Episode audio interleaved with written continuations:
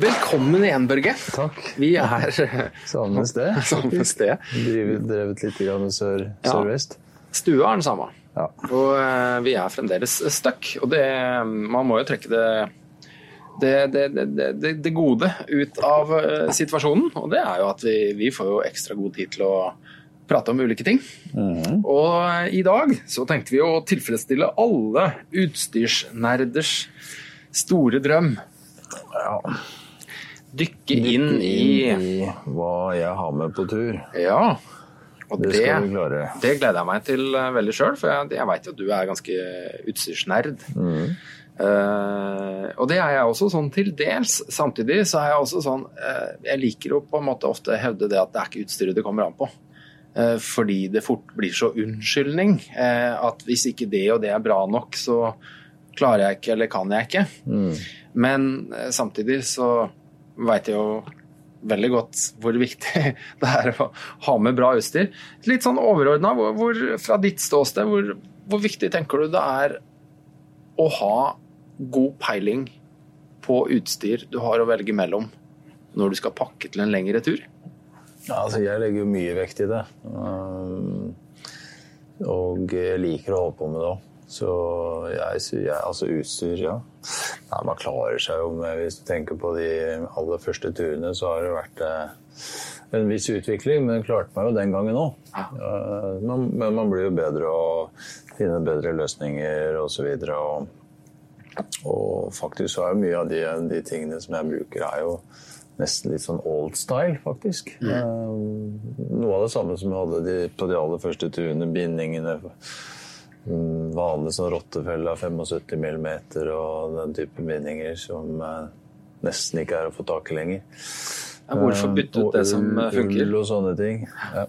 Nei, altså, det er jo en slags kombo mellom det gamle, um, nesten tilbake til inuittene, um, egentlig. Uh, måten anorakker og heter og ting er utformet, og, og tilbake også helt fram til i dag. Hvor du kan velge det mest high-tech kevlar karbon lettest uh, mulig. Så det er en sånn kombinasjon mellom de to leirene der. Og det føler jeg også at det er litt av styrken min. Når vi gikk over Grønland i 1986, så brukte vi jo sekstant til å navigere med. Og jeg hadde ikke hørt om Gore-Tex engang. Nei, og kanskje en del som hører på, ikke har hørt om sekstant engang. Nei. Så sånn er det, sånn er det blitt. Ja. Altså det, så jeg kommer fra egentlig mm, to verdener, da. Så det er den gamle måten å gjøre det på, hvor man navigerte med sekstant og mm, kompass og brukte bare bomull og ull og sånne type ting. Og en fot der, og så en fot i den moderne verdenen hvor ting handler om vekt og styrke og, og så optimaliserte ting. Um, Uh, og det er jo litt av styrken, føler jeg, av den der evnen til å kunne velge det beste fra hver leir. da, Og putte dette sammen til noe som fungerer. Og det er kanskje en sjelden uh, god kombinasjon som ikke så mange får muligheten til å Nei, for det er jo feil å tro at alt, er, alt som er moderne og high-tech, alltid er det beste.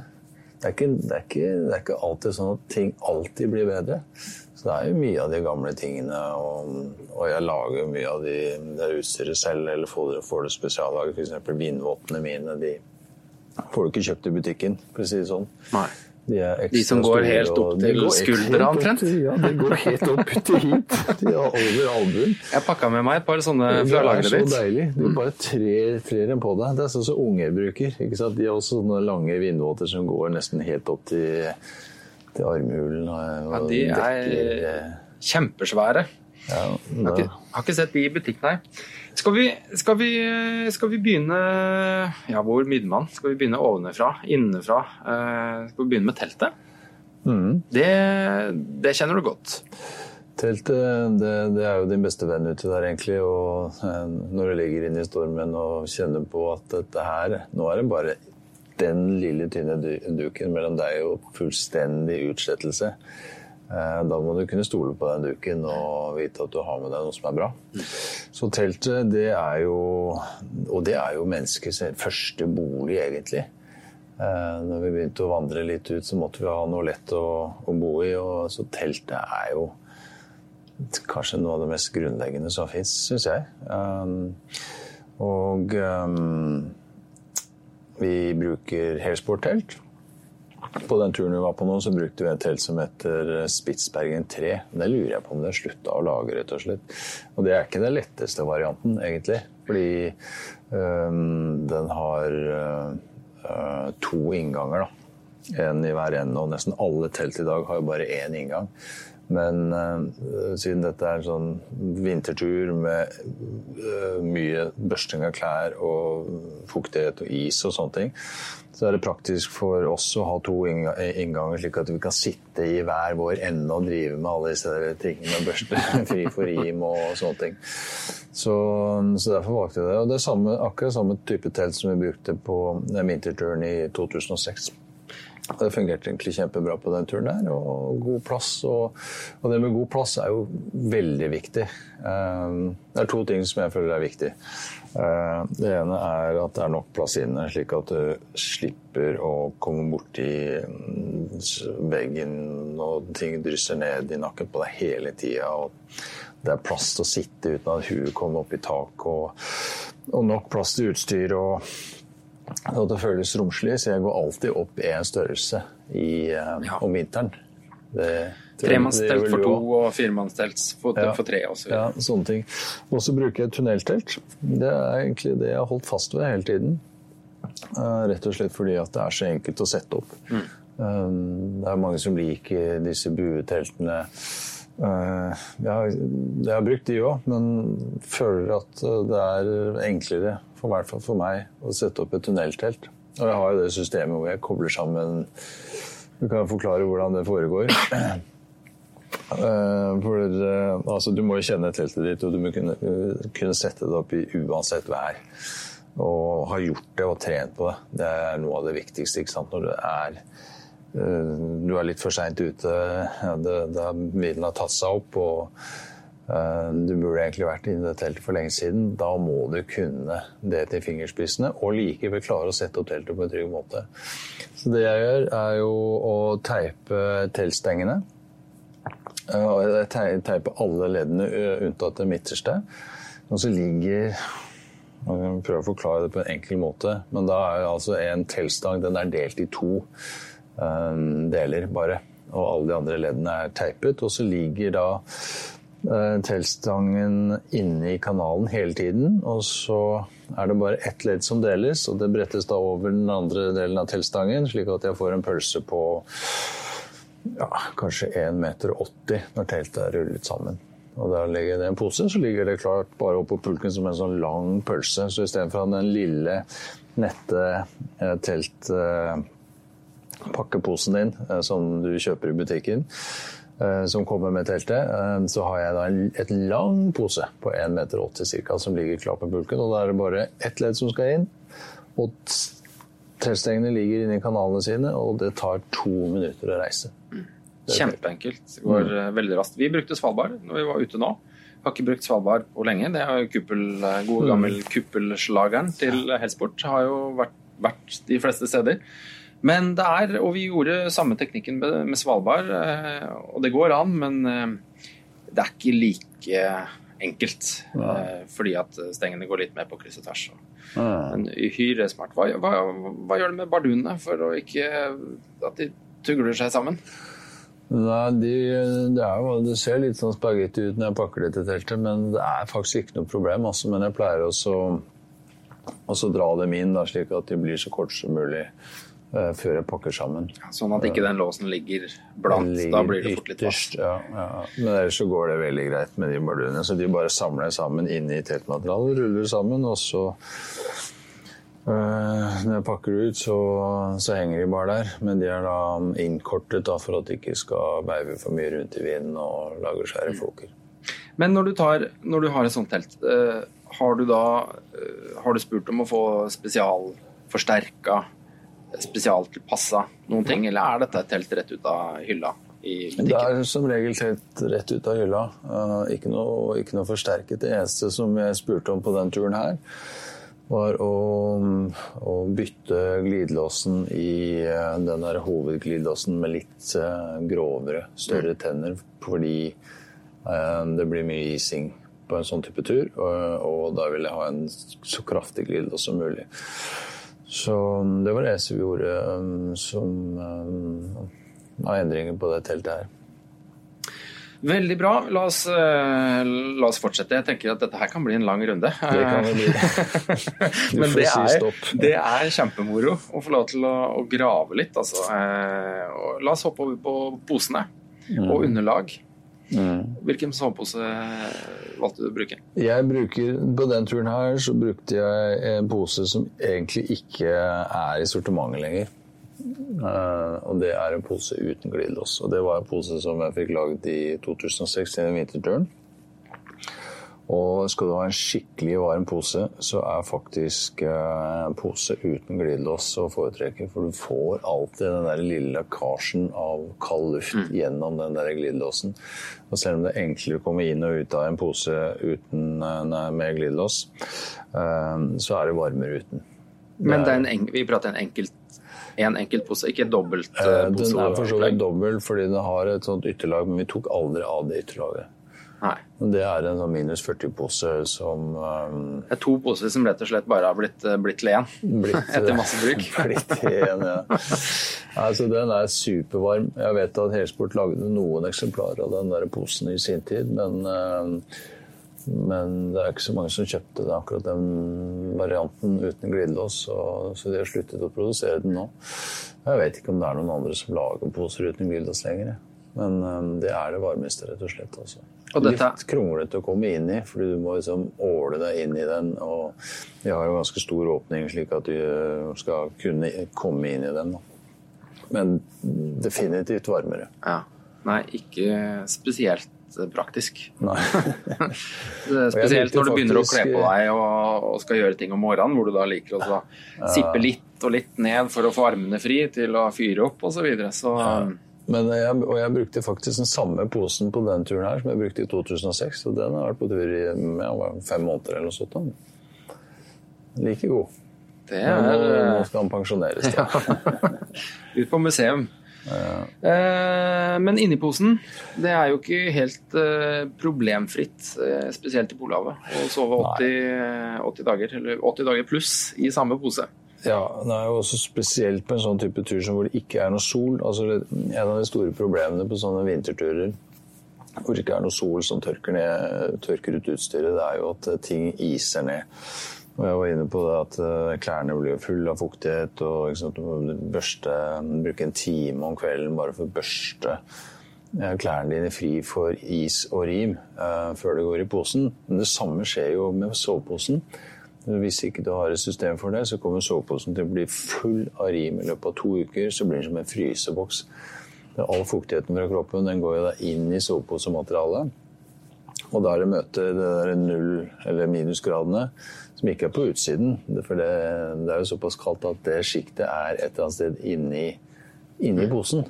Og der fryser fuktigheten til is. Og etter hvert så blir jo den soveposen bare til en sånn svær isklump, rett og slett. Altså. Så det måtte vi forhindre. Og eh, da bruker vi svettesperrepose. Og eh, det som er da mm, Hensikten med det er at eh, du skal stoppe den fuktigheten eh, eh, fra klær og fra kroppen fra å gå inn i soveposematerialet. Så det er rett og slett en plastpose. Vi sover inni en plastpose. Høres deilig ut. Har du prøvd det? Nei, jeg, jeg, har, jeg har ikke vært på langtur. Jeg har prøvd å sove i det. Ja. Men det var en sånn derre Det var ikke plastpose, det var sånn mer moderne damsperrløsnings... Ja. ja, det er for så vidt. Men, eh, men jeg har funnet ut at sånne damsperrer du får kjøpt i butikken, de er ikke helt tette. I hvert fall ikke over tid. Nei, da tror jeg Så ingen hadde kjøpt de. Nei, så begynner, så begynner de å lekke. Nei, så Det som jeg har, det var faktisk Rune Gjelnes som kom på den ideen om å bruke landbruksplast. da. Og så lager sånn silo, Du har sett de der hvite traktoreggene som ligger ute på jordene. De sekkene som de eh, høyballene ligger inni, som er svarte på den ene siden og hvit på den andre siden. Lagd av, jeg tror det er lagd av polyuretan eller polytylen, som tåler kulde ganske godt.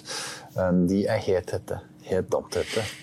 Eh, og jeg fikk da eh, kopiert den ideen eh, til Rune, og fikk produsert opp sånne poser som var sveiset, som da passet inn i soveposen.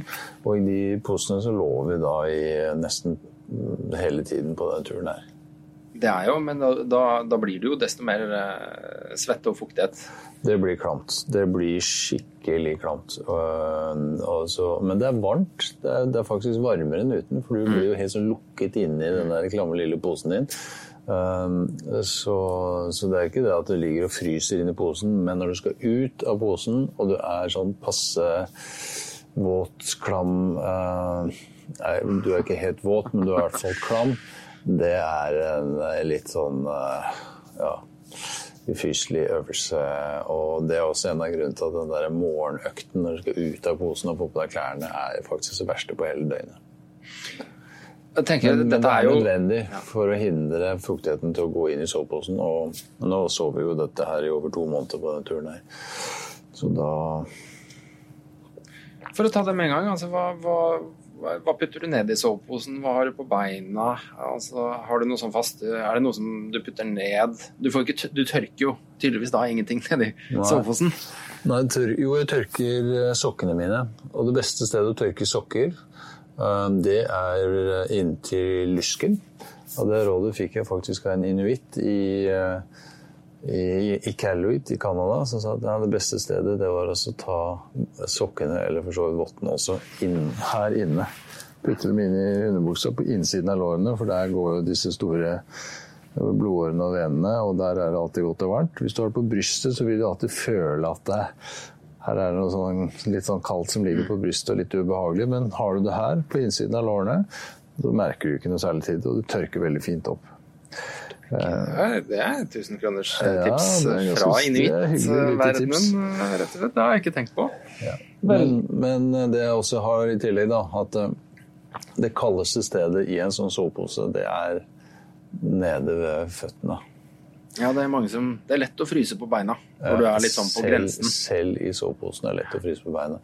Og jeg er jo Jeg har egentlig ganske gode fingre og hender og sånne ting. Tåler bra med kulde på. Men føttene er det mest utsatte hos meg. Um, så jeg fryser lett på beina. Derfor har jeg en egen liten sovepose til føttene inni soveposen. Ja, og det er faktisk Eh, noe som har i hvert fall reddet mine føtter på disse lange, kalde turene. Så da har jeg da en liten bitte liten sånn fotpose som hvor begge beina og føttene eh, passer oppi. Og så har jeg en egen liten plastpose rundt den eh, fotposen for å hindre at den også blir våt. Så litt sånn komplisert system, men det fungerer. Og mye av fuktigheten som dannes inni den dampsperreposen, den går, fuktigheten går, går, til det kaldeste stedet eh, og kondenserer der. Og mm. det skjer ofte, oftest imellom den fotposen og, og den damsperren som er på utsiden. Så mye av fuktigheten merker jeg ikke så mye til. Den havner nederst og blir der. Eh, og eh, om, om, morgenen da når vi går ut av teltet, så tar vi også vrenger det soveposen. Og da er dette her frosset fordi det er blitt iskaldt. Og så børster vi bare bort all fuktigheten som er blitt til sånne små isbiter inni der. Og så er det tilbake med posen inni soveposen og klar til, til, kvelden. Så sånn er det jeg gjør det. Men så bruker jeg også Vi har jo alltid litt ekstra fuel med på sånne type lange, kalde turer. Og det å ha den ekstra lille literen eller halvliteren med varmt vann i en flaske, det er gull verdt. Og den putter jeg inni i den der fotposen, hvor de, sånn at beina skal ha det litt hyggelig. Fantastisk. Det ene tjuvtrikset etter det andre her. Det er jo utrolig artig. Det visste jeg visste ikke om den der ekstra lille lureposen nede ved, ved beina dine der. Men underlaget underlag, da? altså sånn eh, Vinterstandard er jo gjerne at man sikrer seg og har både skum eh, underst og, og gjerne eller kanskje oppblåsbart over mm. der igjen. Hva, hva, gjorde dere? Du, det vi gjør da, det første I bunnen av hele teltet så har vi ett tynt liggeunderlag. Jeg så at dere også brukte det. Eh, Et sånt eh, ja, fem millimeter noe. fra lageret ditt. Ja. ja, som dekker hele bånd. Og det er så deilig, fordi det blir- så mye varmere og eh, tørrere inni teltet når du har et sånt heldekkende, tynt underlag som dekker hele bunnen, og mye lettere å holde reint og børste fri for snø og sånne ting. Så Det er et godt tips for folk som er mye på tur Ja. og mye på vinterturer. Også rett og slett skjære ut et sånt liggeunderlag som passer eh, teltformen. Eh, fordi det blir så mye Det blir ryddigere og varmere og eh, fantastisk. Veldig mye. Og ja, enklere å holde reint for snø og alt det der. Eh, Så oppå det så har jeg da et vanlig sånn liggeunderlag, sånn skumliggeunderlag.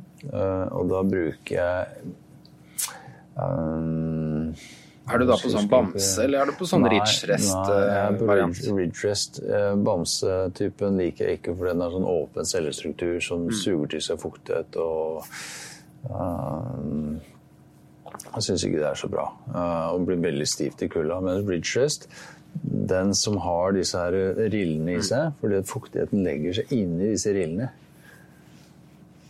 Og det er lett å børste bort når det får frosset. Så bruker et type ridge rest. Uh, som er, ridge rest er jo noe som er lagd av termarest, så vidt jeg vet. Ikke? Ja, det er vel en, sikkert et patentert uh, beskytta navn, sånn sett, men det er en sånn du, Folk skjønner hva jeg mener, sånn rille. Ja, men det vi brukte på den turen her, var jo Haysport sitt liggeunderlag, som er også samme type, da, med sånne riller. Eh, og, så det er sånn knotter på den ene siden og så riller på den andre siden. Men det er akkurat samme systemet. Fuktigheten legger seg nede i rillene, slik at du ikke får eh, Selv om det er litt eh, snø og rim på underlaget, så kommer det ikke opp i posen. Det legger seg nedi der. Men oppå der så har jeg et halvt oppblåsbart liggeunderlag. Ikke helt, men halvt. Og en av grunnene til det er at eh, det er jo stort sett bare fra ryggen og ned til rumpa du trenger den der ekstra lille isolasjonen. Og hvis du har det helt ned, eh, eh, så er jo også det samme problemet at mye av fuktigheten den går til den kaldeste delen av soveposen, og slik at liggeunderlaget blir ofte vått i fotenden hvis du har et sånt helt oppblåsbart liggeunderlag. Så det er ikke, og jeg føler ikke at det er behov for å ha et sånt langt eh, underlag, så jeg pleier å ha den korte varianten, samtidig som at den passer jo veldig fint inn i den der trekking-stolen som jeg bruker, som er blitt en uvurderlig del av teltlivet, i hvert fall for meg. Det å kunne sitte godt eh, i teltet. Du tilbringer faktisk en god del timer inne i teltet. Det syns jeg er verdt den ekstra lille vekten. Og så er jo dette på eh, underlag hvor det er eh, veldig sjeldent antageligvis at du graver noen sånn kuldegrop så du får beina ned. Du blir sittende mye på flata. Ja, på Polhavet så er det jo ikke noe særlig snø å grave på i det, i det hele tatt. Så, så da blir det jo egentlig bare å Det er nesten bare sånn to, to liv i, eh, i teltet. Det er, det er altså i soveposen og, og det som skjer utenfor. Jeg går i soveposen så fort som mulig. Jeg tilbringer nesten hele tiden i til soveposen.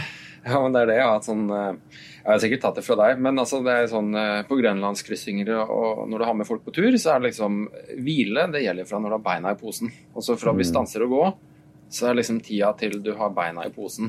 Den skal være kortest mulig. Og når du har beina i posen, da, da har du på en måte fått rigga deg til å, å få maks hvile. Ja. Det var, eh, det var underlag altså, Men dere, dere bruker ikke noen form for sånn bedding-type? Hvor du forhåndslager egentlig en sånn ferdigseng hvor du bare åpner opp, og så er alt eh, Nei. klart? Jeg gjør faktisk ikke det. Det, det kan godt hende at det er, bra, er veldig bra, men jeg har aldri prøvd det. Nei. Nei. Her er en ting Børge ikke har prøvd. Så det er, eh, men eh, det er eh, hvor, Why change? Jeg, jeg får skryter av det, så det er sikkert bra. Det er veldig, veldig deilig å bare dra senga inn. Men du, du Men krøller jo ikke ikke sammen.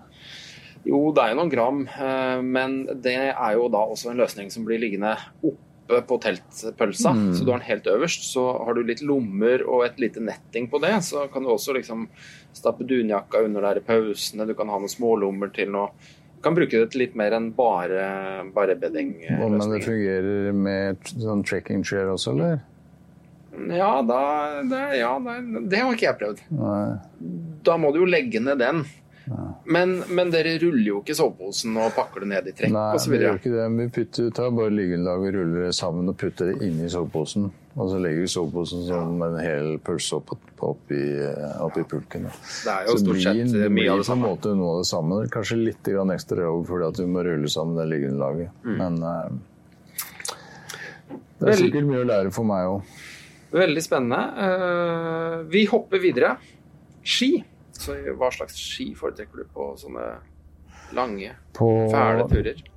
eh, på Polhavet så bruker jeg um, forsterkede ski. Eh, og jeg har prøvd meg uten en gang, og da knakk skia. Og det er rett og slett fordi jeg bruker skia mest mulig på um, hele tiden. Um, og en av fordelene som vi altså nordmenn er som regel vant til å gå på ski, det er jo nettopp at du kan beholde skia på og stable deg fram selv over skruvarer, og spare veldig mye tid på det istedenfor å måtte ta dem av deg hele tiden. Men det gjør også at det blir mye belastning på skiene. Da. Så jeg pleier å spørre om å få skiene forsterket med ca. 100 gram ekstra glassfiber.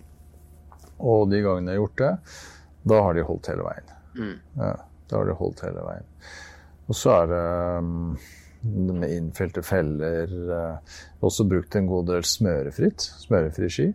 Det fungerte ikke så bra på den turen her nå. Uh, Sitter, sitter ikke Men du bruker, bruker du helfeller fra starten av? Vi bruker helfeller når vi starter når pulken er på det tyngste. Ja. Det gjør vi. Og så går vi over til halvfeller eh, når pulken kommer ned på ja, 130-40 kilo. For jeg merka det når vi var ute og, og traska her, det med helfell. Jeg går ikke så ofte med helfell.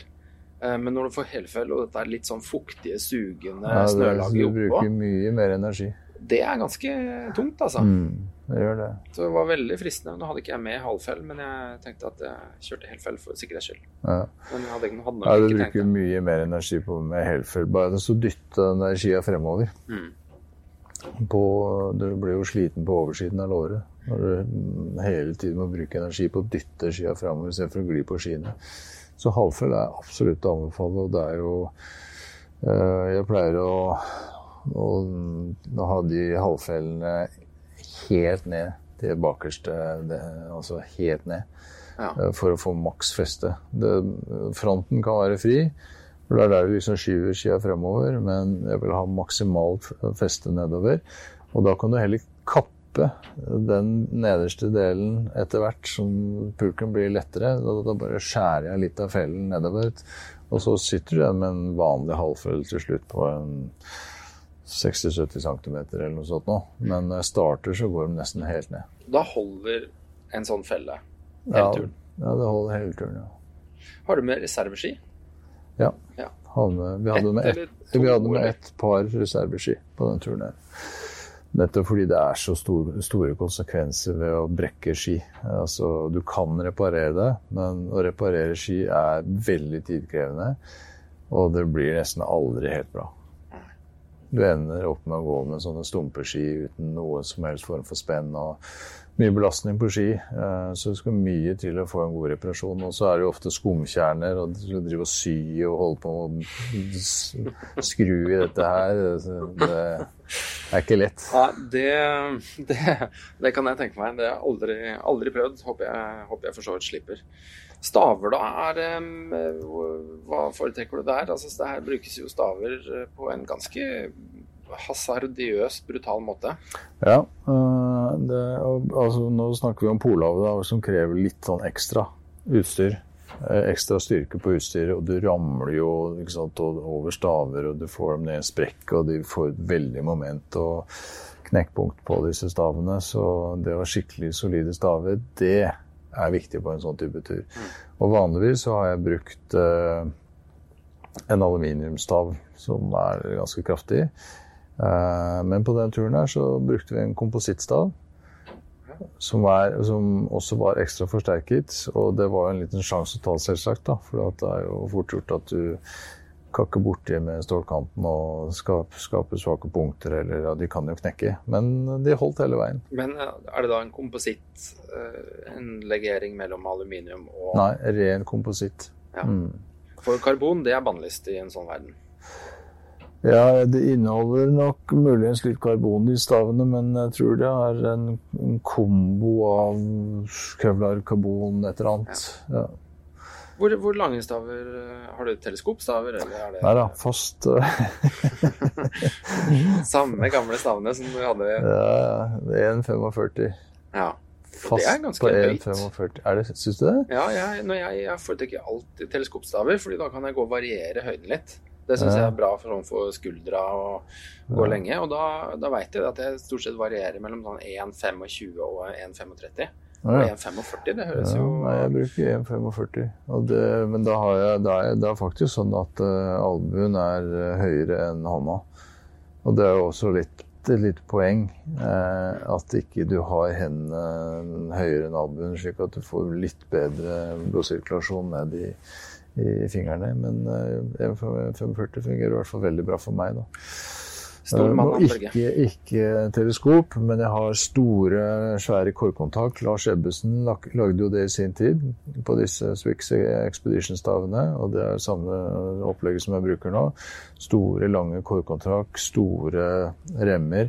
Og jeg går jo ikke på ski sånn som du går på ski i marka, hvor du har hendene inni Det er litt vanskelig å forklare visuelt, da, men når du tar hendene inne i uh, disse uh, remmene, så tar du dem unnifra, og så holder du da uh, Så strammer jo da disse remmene over hånda sånn. Jeg går som en engelskmann, jeg. Hånda bare rett inn i remmen. kaller Sånn. det danskegrepet. Ja, det, det der. Sånn går jeg hele tida.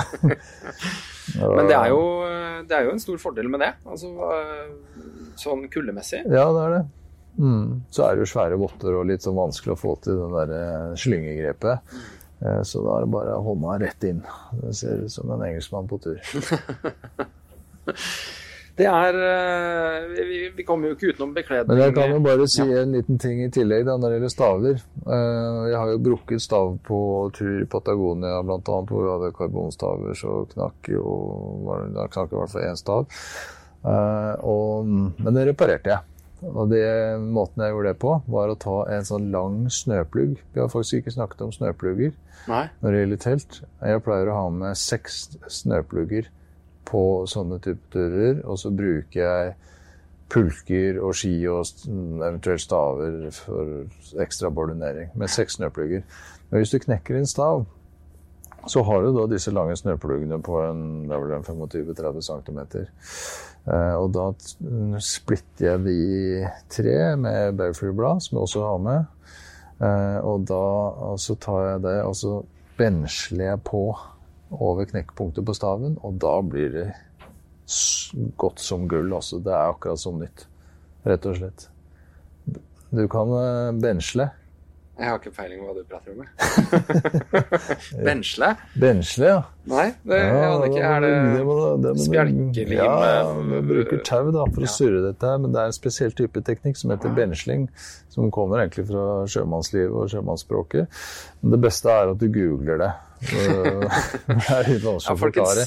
Da får du i hvert fall en helt perfekt surring som er utrolig sterk. Ja. Og når du har disse tre spjelkene som, fra snøpluggen som du har sagd opp, og får det bensla fast eh, på, over knekkpunktet, så blir det helt superstivt. Er, vi, skal ha, jeg gleder meg. Vi skal dykke litt inn i rep-settet til Børge, hvis vi rekker, sånn helt på slutten. Um, men vi, vi har jo en lang liste før vi kommer så langt. Vi må, vi må innom bekledning. Um, det er jo et, um, et uh, dypt felt i seg sjøl, men ta litt sånn sånn uh, vi- La oss starte med, starte med skisko, og så går vi oppover. Mm. Uh, hva slags skisko funker? Ja, de skiskoene som funker best på Polhavet, eh, og for så vidt også på andre kalde turer, det er eh, Nå husker jeg ikke hva det heter akkurat nå, men de het i hvert fall før Mødre Alfa Mødre Ekstrem. Ja, og det var Sjur Mødre som eh, kom opp med den ideen. Jeg var faktisk sammen med han på det første møtet med Alfa med Jakob Ilen. Ja. Som var en sånn legende innen det å lage sko på Alfa skofabrikk. I må vel ha vært i 1989. Og da satt Sjur og snakket om dette her. Ja, Amundsen hadde en sånn tøffelvariant av en skisko med, som var basert på en vanlig såle, som passet inn selvfølgelig en vanlig binding. Men over der så var det da mykt lerret. Hvor litt av hemmeligheten er at det er jo ikke selve skoen som isolerer, det er jo det du har av sokker og de tingene på innsiden. Eh, så det brukte Amundsen, og den ideen tok Sjur videre til AFA og fikk da produsert opp denne mødre eh, ekstremvarianten. Uh, som er utrolig deilig å gå med. Og hvis du putter nok da uh, sånne ulladder og sokker og sånt inni, så får du det du trenger av isolasjonsmateriale, samtidig som du har en myk, fleksibel sko som ikke gnager, og som er lett å tørke hvis du går gjennom isen. Har du disse uh, doble skiskoene, f.eks. den Alfa Nordpol som passer til BC-bindinger, som er utrolig god å gå i. som Jeg bruk, bruker som regel den på bredturer og sånne ting. Men hvis du får den nedi vannet, da tørker den aldri. Nei, da har du gjort det. Aldri. Mens den der tynne, lille Cordura-stoffet som er i den Mødre Ekstrem-varianten, den tørker. Den kan du henge opp i telttaket og tørke. Vri opp eh, skoen, ja. så myk og Det er ikke noe kjøresko. Det er ikke noe stabilitet. Nei, det er ikke noe særlig sidestøtte i det hele tatt. Jeg, har jo brukt, jeg brukte det i Antarktis når jeg krysset Antarktis, og seilte jo også med skiseil med den skoen. Det er slitsomt. ja, det, det, ser jeg for meg. Men, men dampsperre på føttene? Mm, der bruker jeg en plastpose. En sånn shoppingpose av uh, Husker jeg faktisk ikke hva det heter. Uh, det er ikke tilfeldig hva slags uh, Det er ikke tilfeldig hva slags, slags pose bærepose. Og det jeg brukte lang tid. Jeg måtte kjøpe 1000 stykker. Rett fra fabrikk. Så det, det, var vanskelig å få tak i. Men om det var ME den posen heter, eller hva det var for noe Men det er, det, tror jeg veide 18 gram eller superlett. Altså, de posene som fungerer best, er de der tynne knitreposene. De er kjempesterke, og de er veldig lette. Og det er tydeligvis lagd av en litt sånn bedre kvalitet enn de vanlige shoppingposene som du får på eh, Meny og sånne steder. Uh, så jeg fikk heldigvis tak i noen som hadde lagde sånne poser, men da måtte jeg kjøpe 1000 stykker, så jeg har noen igjen. men de uh, har kanskje vi kan, da... ha det, kanskje vi kan få, få et par i premie på podkasten hvis ja, noen kommer med fine spørsmål eller gode historier. Flere hundre? Børge har noen poser til overs. Ja, jeg, har, jeg, har, stort sett gått for den vinmonopol-varianten, fordi den er sånn mellomstor. Altså De mm. der store plastposene de blir, sånn, de blir nesten for mye. Ja, det de, blir, de der, eh, men Vinmonopolet de er sånn passe store. Mm. Ja. ja. men De der plastposene bruker jeg De har to funksjoner. For jeg, jeg har sjokoladen også oppi der. Så sjokoladen er pakket i de plastposene, så hver dag så får jeg én pose til overs som jeg da Uh, bruker eh, på den uh, Det var, skifter ut den posen som er dårligst. Men i tillegg så har jeg en ekstra pose fra, som er lagd uh, Som er fra USA, som heter Hefty. Hefty Garbage Bag. Som er puncture proof. Og de er Vet du hva? På den turen her Jeg hadde samme pose hele veien. På føttene? Ja. Gikk ikke i stykker. Det er helt utrolig, de posene. Um, heftig puncture bag. Heftig puncture proof garbage bag. Ja, proof garbage bag. Uh, så det, det, var tilfeldig at jeg fikk tak i det i sin tid. I 2006 var det vel jeg kjøpte, um, fikk tak i det. Uh, jeg har kjøpt noen da etterpå. Men um, de er veldig store, da. Så, så, jeg har flere lag med poser bare for å være sikker på å få dette helt damptett. For det du må forhindre, er at fuktigheten fra føttene, akkurat sånn som soveposen, går ut i disse uh, ullkartankene dine og gjør de fuktige. Det er det isolerende laget. Det må være tørt. Det er bare den innerste sokken som skal bli våt, og den tørker du da på lysken om kvelden. Så det er litt av hemmeligheten å ha sånne superlette, fine uh, bæreposer av knitretypen, og så ha det på beina. Og gjerne da i tillegg med en sånn heftig bag. Uh, For, uh, for sikkerhets skyld. Aksjekursen kommer til å gå rett i været nå etter, etter dette supertipset. Uh, oppover, da. Uh, undertøy. Undertøy, der um, sverger jeg til ull. Jeg har jo alltid gjort det. Helt siden jeg gjorde den første turen i 1986 over Grønland, så har jeg brukt, brukt ull. Så, så innerst jeg bruker Devold. Uh, innerst så uh, har jeg vanligvis en, en kalles for Breeze, en ganske sånn tynn variant. Og så har jeg blitt helt forelsket i den der shortsen, shorten Capri. Ah, ja. Ja, som du kan sippe sip on og sippe sip off. Og den, sant, er det for varm på beina og, eller lårmuskulaturen, så er det veldig ubehagelig ofte. Men da har jeg den der zip-off-shortsen eh, som jeg da kan ta av under marsjen. Når det har blitt varm nok og fått, ja, fått det har blitt varm nok. Også på overkroppen så har jeg som regel to lag. Et tynt, uh, tynt lag med, med denne Devold Breeze, og så den tykkere varianten, den som jeg faktisk har på her, som er uh, Expedition. Men, men, har du er det, Jeg tenker på beina. Du, du sier det er en tynn bris-variant longs, og så mm. har du denne zip-offen. Mm. Er, er, det alt? Også, de... også en ullunderbukse. Ja. Mm. Utapå der ja. Innenfor, innerst. Ja, og underbuksa. Ja, underbuksa innerst. Men blir ikke det veldig kaldt? For da har du jo egentlig bare ett. Nei, men jeg har lange gamasjer, vet du. Ja, det har du. Og de går jo høyt. Mm. Og så har jeg i tillegg kneputer på Gore-Tex-buksa. Og det hjelper også veldig. Mm, det hjelper veldig. Selv om du skal sette deg ned foran teltet og begynne å rigge til det. Ja. Det er en ting som jeg savna. Jeg er overraska over at flere, flere, bukser er, enten har det integrert, eller i hvert fall er kompatible og har lommer så du kan velge om mm. du kan stikke ned. Det var nesten inntrykk at det var mer, mer av det før. Eh, men veldig fordelaktig å slippe å og... Ja, det syns jeg er gull verdt. Alle sånne steder som stikker litt ut, knær, albuer og sånne steder, de, de har en tendens til å bli litt ekstra kalde. altså. Og så er vi jo eh, Altså sånn eh, hals, hode, ansikt er jo et eh, sårbart ja. sted med stort varmetap. Mm. Og der da har jeg funnet fram til et system som i hvert fall jeg syns fungerer veldig bra. Uh, og det er Altså, jeg bruker en hals, men den er på omtrent hele tida. Den er halsen uh, av ull. Uh, og så har jeg en tynn balaklava. Devold har en tynn balaklava som jeg pleier å ha innerst. Og så um, Hvis ikke jeg får kaldt eller får vind, så har jeg bare den, den lua mi. Og den lua er sånn one-off-greie som jeg har fått spesiallag. Så den er foreløpig ikke i produksjon, men den kommer kanskje i produksjon nå. Uh, fordi jeg jobber med Norrøna med å lage en ny kolleksjon. Så den, og den lua er beste, beste jeg har brukt. Også. Det er helt fantastisk. Ja, Den er lagd av vindstopper. Ja. Og så har den en del forskjellige funksjoner, og til og med sånn innebygd liten eh, ansikts-, nesebeskytter og sånne ting. Um, men hvis det er skikkelig kaldt og mye vind, så bruker jeg i tillegg skinnarmomaska.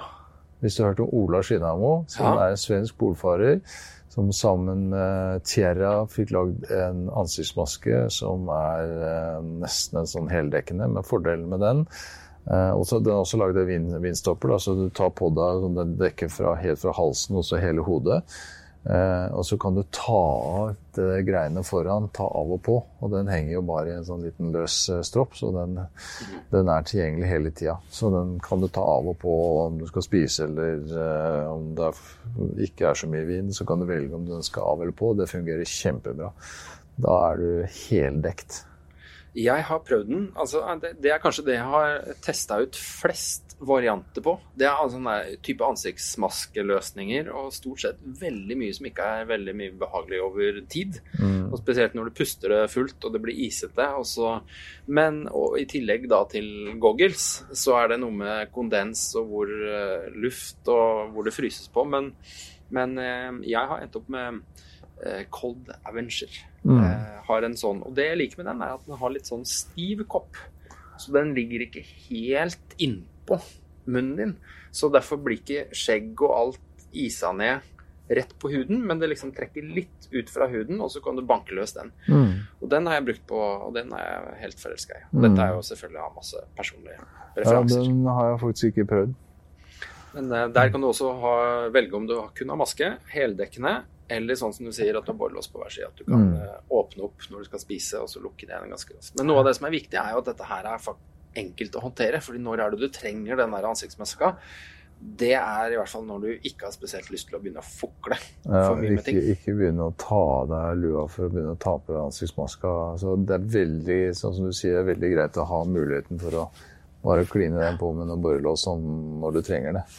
Briller, eh, goggles eh. eh. Vel, på den turen her så trengte vi jo ikke så mye briller, egentlig. Jeg hadde solbriller helt i starten, for da var det litt lav sol. Men eh, ellers så er jeg, dårlig, har veldig dårlig erfaring med goggles på Polhavet, nettopp fordi det er så fuktig luft. Det er et eller annet som skjer som det, det, det dogger så mye. I Antarktis er jo goggles uh, vurderlig, og da bruker jeg gjerne um, å få disse gogglesene med ekstra, ekstra solbeskyttelse. For at det, var det vanlige du får kjøpt i butikken, det holder i hvert fall ikke for øynene mine i Antarktis, for det er så skarp sol der nede. Um, så jeg liker å ha den det ekstra mørke. Veldig greit å slippe sånne problemstillinger på noen turer, i hvert fall. Ja. Sånn som denne. um, da har vi vel Jo, eh, skallbekledning. Mm. Ja, der har jeg jobbet nå et par år sammen med Norrøna. Eh, vi lagde jo en uh, jakke og bukse skal vi se, Det var vel i 2007 at vi lagde den. Um, som lå under det som kalles for Svalbard-kolleksjonen. Og den ble jo førstevalget til mange turentusiaster, men så sluttet Norrøna å produsere den, for de hadde Um, ja, vet ikke, ikke plass til sortiment eller hva som var policyen bak det, litt usikker på nå. Men uh, i hvert fall uh, så blir den relansert nå i uh, 2020. Mm. Og den har jeg jobbet med et par år nå for å videreutvikle den, og den brukte jeg på den turen her nå. Og den det er bare sånn par småting som vi skal finpusse på. Men uh, den har fungert utrolig bra. Uh, og hvis du skal ta buksa først, da, så er det jo um, et par ting der som, uh, som jeg har jobbet litt ekstra med. Og det ene er jo det med knær og kneputer og få de tingene på plass. Og så er det lommer som gjør at du kan holde kameraet ditt varmt på den ene mm. lomma og GPS-en på den andre lomma. Og tredje, den tredje tingen som er ganske viktig på sånne typer turer, er jo å ha en funksjonabel doløsning. Ja. Slik at du kan gå på do på en fornuftig måte uten å forfryse fingrene dine. Og det har vi fått til. Og jakka er, er bygd på samme lesten som den forrige jakka. Bare litt uh, endring på, uh, på lommene. Litt grann annen sånn design, men ellers er det omtrent den samme jakka som tidligere. Og det er liksom Lang og god jakke. Ikke lang og god jakke med en hette som gjør at du kan bevege hodet, og, og hetta følger med hodet. og Du ser hva som er rundt deg, og at den beskytter nok. Og en god, kraftig glidelås i front som tåler mye is og de tingene der. Og ingenting av det der gikk i stykker på denne turen her. Så den har egentlig bestått prøven. Mm. Hva, hva har du i uh, brystlommene? Altså fordi Eh, stikklommene, eller hoftelommene, eh, blir jo gjerne litt sånn eh, ubrukbare med mm. pulktrekk. Men hva, hva, er det du pleier å ha på de faste stedene, hvis du har noe sånn fast system på det? Mm. Ja, jeg, har jo, jeg pleier å ha noe i de nederste lommene men det er sånne ting som du ikke bruker så ofte. Og det er gjerne den der ekstra ansiktsmaska som alltid ligger der i tilfelle det blir litt dårlig vær. og uh, hva har jeg i den andre lomma? Nei, nå kommer jeg ikke på, faktisk. Men uh, i brystlommene så, så har jeg sånne småting som jeg trenger i løpet av dagen. Det er jo kanskje sånn fingerløse uh, vanter. Det er en ekstra så, så Hvis jeg ikke har på balaklavaen, så ligger den klar der. Sånne ting som jeg trenger oftere, har jeg i de lommene der. da. Ja, litt sånn forbindingssaker, en sportsteip. Eh, det hadde vært en tur på høyfjellet i Norge, så ville jeg hatt kanskje hatt solkrem og sånne ting der. Ja, og så kom vi jo Vi var jo så vidt inne på det, men vottene. Uh, ikke noe moro å fryse på fingra. Nei. Hva funker når det er 40 minus og du skal gå lange dager på ski? Det som funker, det er et vottesystem som består av tre forskjellige lag. Hvor den innerste, innerste laget, det er en ullvott. Og det laget som kommer utenpå der, er en vått av uh, vindstopper. Som passer utenpå ullvåten. Og så kommer det vindbeskyttende laget utenpå der. Og litt av tanken bak det er at fuktigheten eh, den setter seg alltid Fuktigheten går utover mot det kaldeste punktet. Så fuktigheten vil sette seg i det, ytterste, eh, det, der, eh, det ytterste laget som er, er vindstopperlaget, og imellom det og, og vindvåten. Sånn at ullvåten nesten alltid er tørr og fin. Det, det er jo bare den der vindstoppervåten du må drive og børste og, og holde fri for rim om kvelden. Og den tørker også veldig fort. altså Den er lett å henge opp i telttak og, og tørke hvis du trenger det. Uh, og så er det å ha bra nok størrelse på votten, slik at den ikke stopper akkurat ved håndleddet, men den går litt lenger opp på armen, slik at du får tettet det der i gapet, den der lekkasjen som uh, ofte oppstår der ved håndleddet. Altså. Så jeg liker lange votter. De kan nesten ikke være lange nok. Føler jeg. Det er mest problematisk. Altså, det er sjelden jeg fryser på hendene når jeg har den votteløsningen mm. på. Mm. Og i tillegg er det i bevegelse. Men det er jo hver gang jeg skal ut og fikle med noe, så blir jeg steinkald på, på fingra. Og da er jeg nesten helt avhengig av å ha ullvanter. Tynt lag ullvanter helt innerst, slik at jeg ikke eksponerer så mye. Uh, bruker du det? Jeg bruker fingerløse vanter, men jeg bruker nesten aldri ullvanter. Nei. Nei.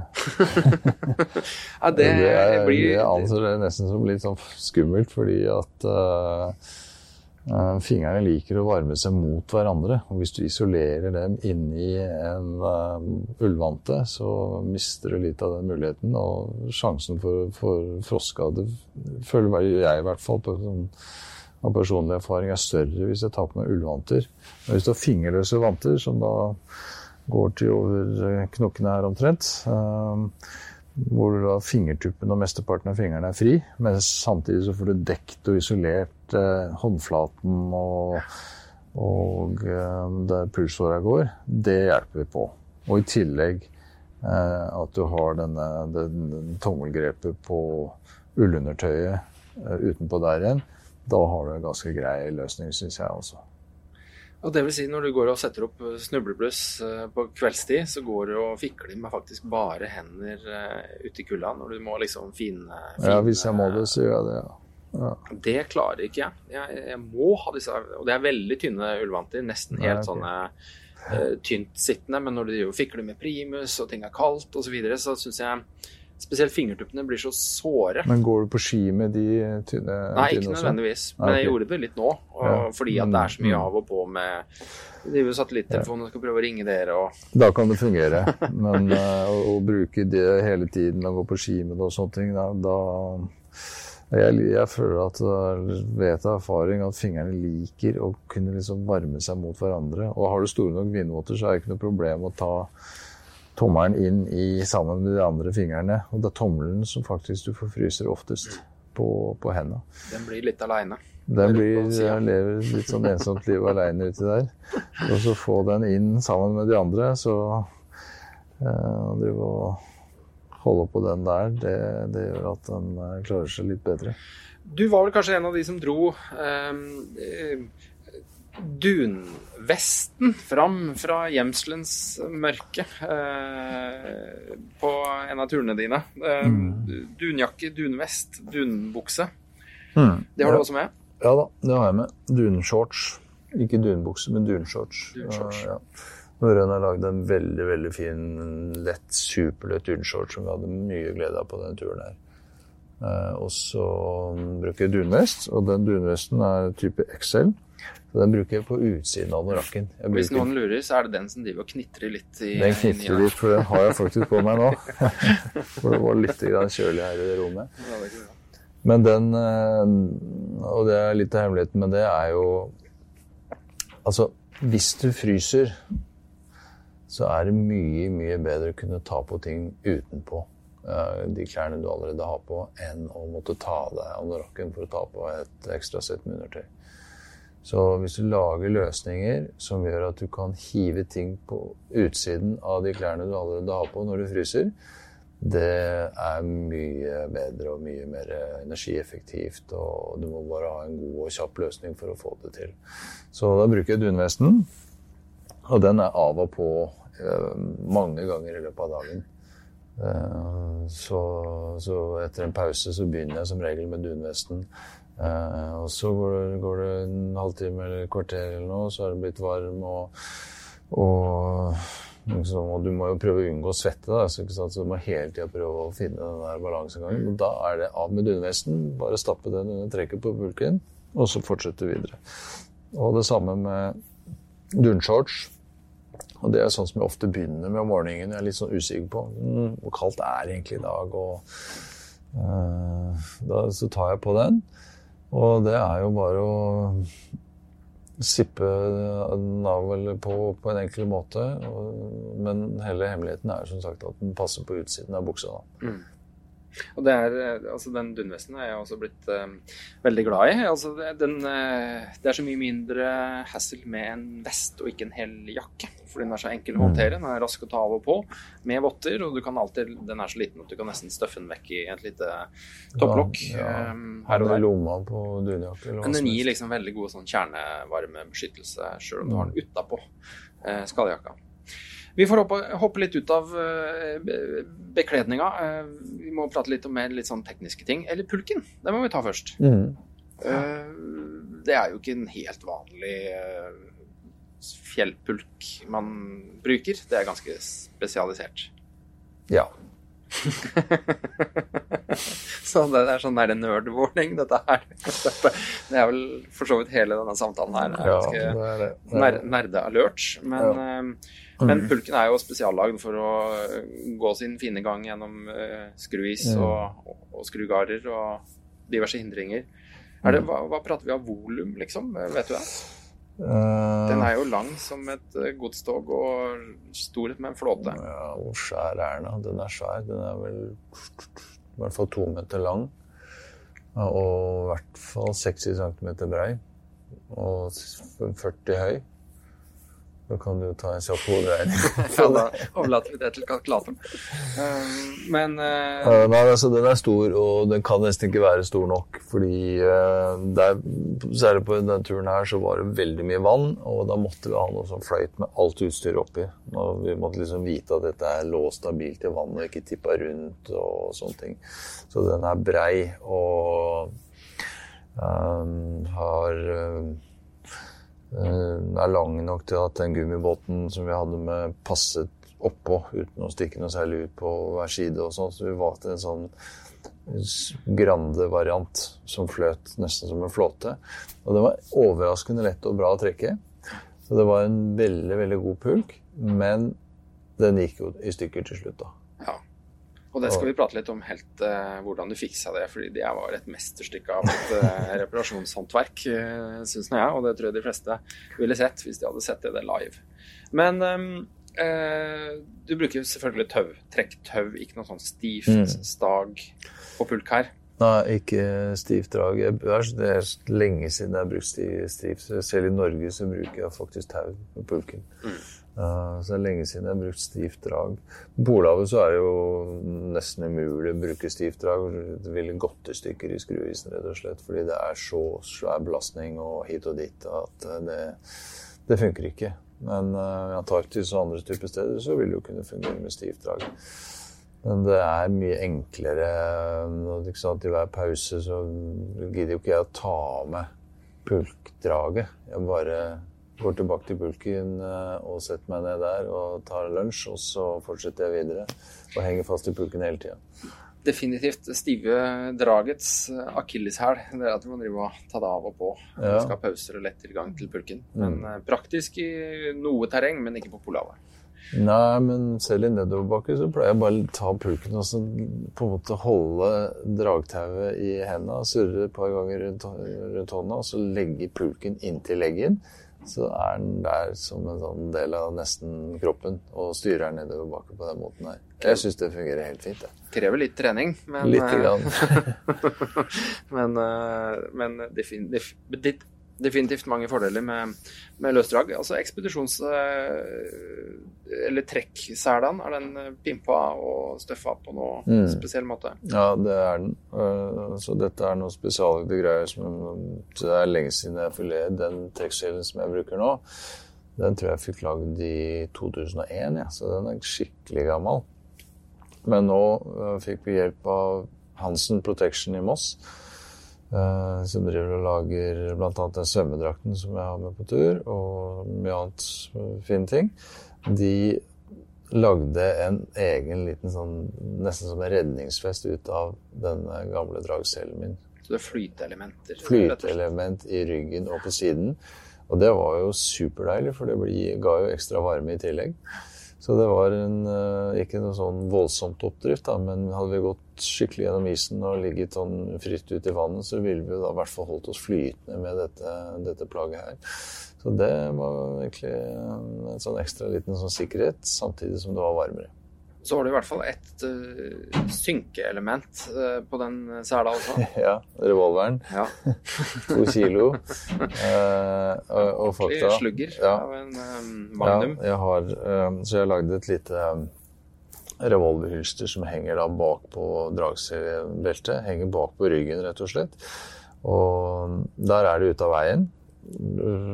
Og henger i midten, så det er ikke noe sånn Tidligere så har jeg faktisk gått med den revolveren i skulderhylster. og det er sånn To kilo bare på den ene siden. Så blir, det blir litt sånn småskeiv av det.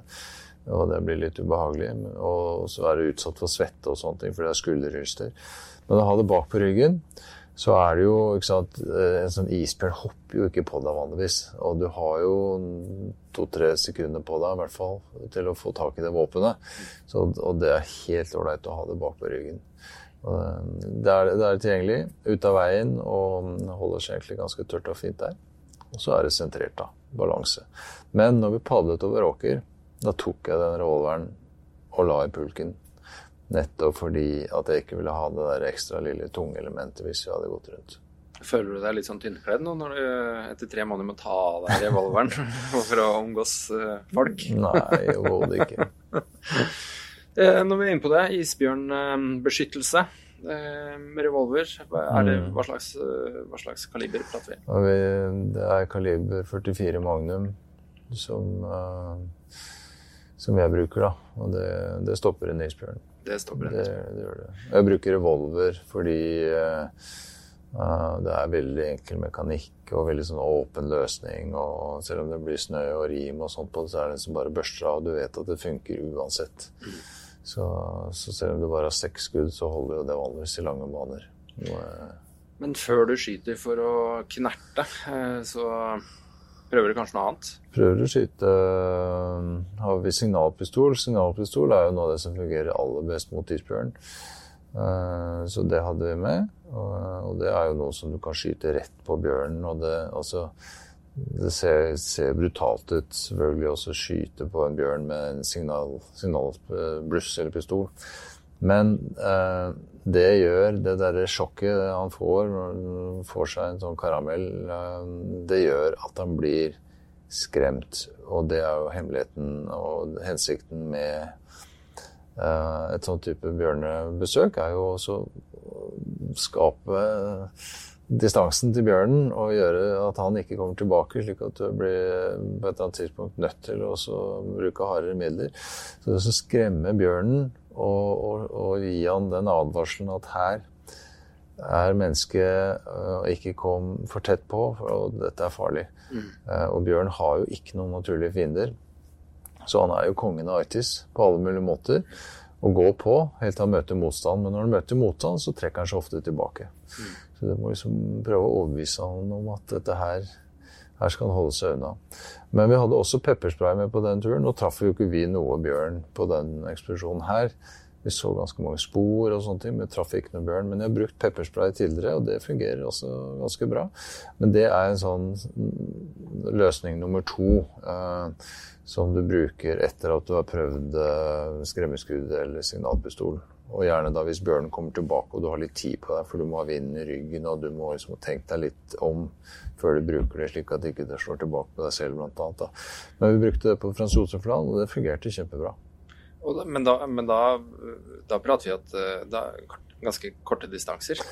Altså, Nei, det kan være 20 meter. Så, det, altså, så lenge du har vinden i ryggen, og bjørn kommer som regel mot vinden for å lukte hva han har foran seg, så, så det sprer seg utover. Altså. Det trenger ikke være sånn kjempekort distanse. Men det fungerer bra. Det er min erfaring.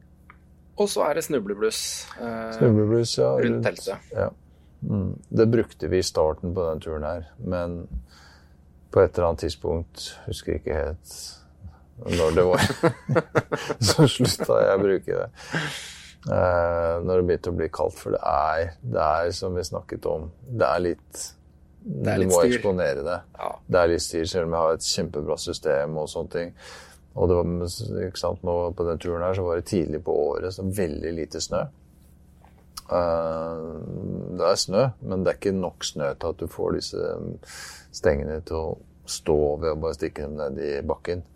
Jeg måtte drive og bore med isskruer for å lage hull og sånne type ting. Og så trekker du den tråden rundt, og så må du og dette er på slutten av dagen, når du begynner å bli ganske klar for å komme inn ja. i Nei, altså, På et eller annet tidspunkt så sluttet jeg å gjøre det på den turen her. Og bare stolte på at uh, Mike, han uh, Og han er faktisk en sånn person som han sovner omtrent med en gang, men han sover utrolig lett. Og han våkner av alle sånne uvante lyder. Så jeg bare tenkte at ok, jeg stoler på at Mike er uh, isbjørnvarsel for resten av turen. Så glemte jeg hele greia og sov ganske greit. Det funka. Funka ja, helt inn. Men på soloturer så da er jeg ganske, ganske nazi på det med snublebluss. Da setter jeg alltid snublebluss, og det er faktisk litt sånn mental, mentalhygiene at da sover jeg mye bedre. Da mm. sier jeg til meg selv at ok, nå er du helt trygg innenfor dette gjerdet du har satt opp. Mm. Og sånn må du nesten tenke for å få den søvnen du trenger. Hvis du ligger sånn på letten hele tida, du, du, du, du, får ikke hvile nok. Nei. Det, det handler om å investere noen ekstra minutter i, i ja. mye bedre hvile. Ja. Um, vi, må, uh, vi må litt innom uh, det helt sånn tekniske. Altså, du, du har GPS. Mm. Uh, vanlig, vanlig, GPS. Sikkert to stykker, i hvert fall. Ja, vi hadde én hver én hver. Mm. Og uh, dette er ting som går da på vanlige A-batterier. Og, Og, uh, og, er en GPS, som folk sikkert kjenner det. Um, satellittelefon. Mm. Et kommunikasjonssystem, så du får sendt hjem noen uh, tekster, bilder. Inreach og Iridium satellittelefon. Inreach går jo på Iridium-systemet, da, i tillegg. Men det sender jo bare tekst, og så bruk, den kobles opp mot iPhone, så der kan jeg sende tekster.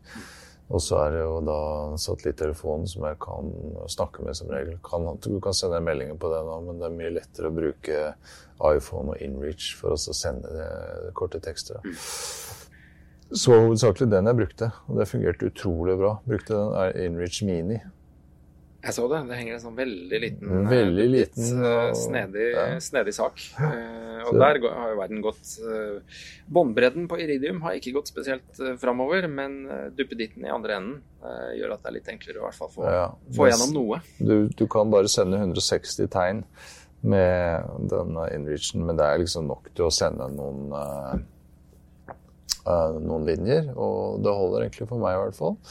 Er det noe mer som skal sies, så har jeg som regel en sånn talepostkasse. Hvis det skal da um, legges ut uh, et eller annet, så, uh, så ringer jeg til et uh, sånn talepostkasse, og så snakker jeg en liten kort beskjed hva som har skjedd i løpet av dagen på den, og det holder som regel. da.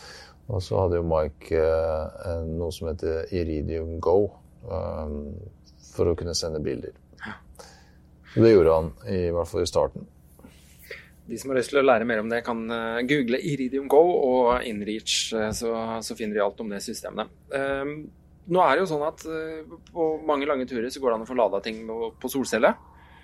Det var ikke så enkelt uh, på denne turen. Uh, batterier, opplading av alt fra telefoner, kameraer, andre ting. Mm. Lykter. Mm. hva slags batteriløsninger er det du har klekka ut? Ja, på, på lyktene så bruker vi jo bare vanlige dobbelt A-batterier som regel. da. Eller trippel A, litt avhengig av hva slags lykt det var. Eh, men på de store hodelyktene våre så var det fire mm, dobbelt A-batterier fra, fra Energizer, litium. Og de er helt supre. Altså, de tåler helt ned til 30, 30 minus uten å ta på noe særlig effekt. Så vi bytta batterier hver tredje dag i hodelyktene våre. bytta vi batterier. Og, det og jeg tror jeg hadde 60 batterier igjen da jeg var ferdig med turen. Jeg brukte bare halvparten. Så, så det holdt veldig bra. Og så, mm, men vi hadde litt problemer med de lyktene, da. Eh, vi hadde jo tre lykter, og to av dem slutta å virke. Oi, av de store oi. lyktene. Og da brukte jeg mye den lille lykta som jeg hadde på hodet når jeg møtte dere. Som er en petsel, Skal vi se, hva het den for noe igjen? Taktikk, eller et eller annet sånt noe. Uh, og den gir egentlig et veldig, veldig godt lys. Uh, og den går både på trippel A og oppladbare batterier. da. Men fungerte faktisk best på oppladbare. Men det ble litt mer lading, for da må du nesten lade hver dag. Men det går veldig godt lys. Og det er overraskende hvor lenge det er oppladbare eh, batterier holdt. Men hva lader du fra? Du har ikke noe støpsel inni teltet der? Nei, jeg kjøper eh, Hvis du ser på det batteriet her dette her får vi være litt snill og så beskrive. Her har vi en sånn 10 ganger 15 cm klump av et uh, helt sikkert spesiallagd batteri. Lithium battery, og det, er, det veier 600 gram. Og det er lithium SO2-batteri. Uh, og akkurat den litium-varianten her, den tåler jo kulde veldig, veldig godt. Og dette her er et sånt uh, batteri som vanligvis brukes av Forsvaret i radioapparater. Men de får man kjøpt eh, av Fedco i USA.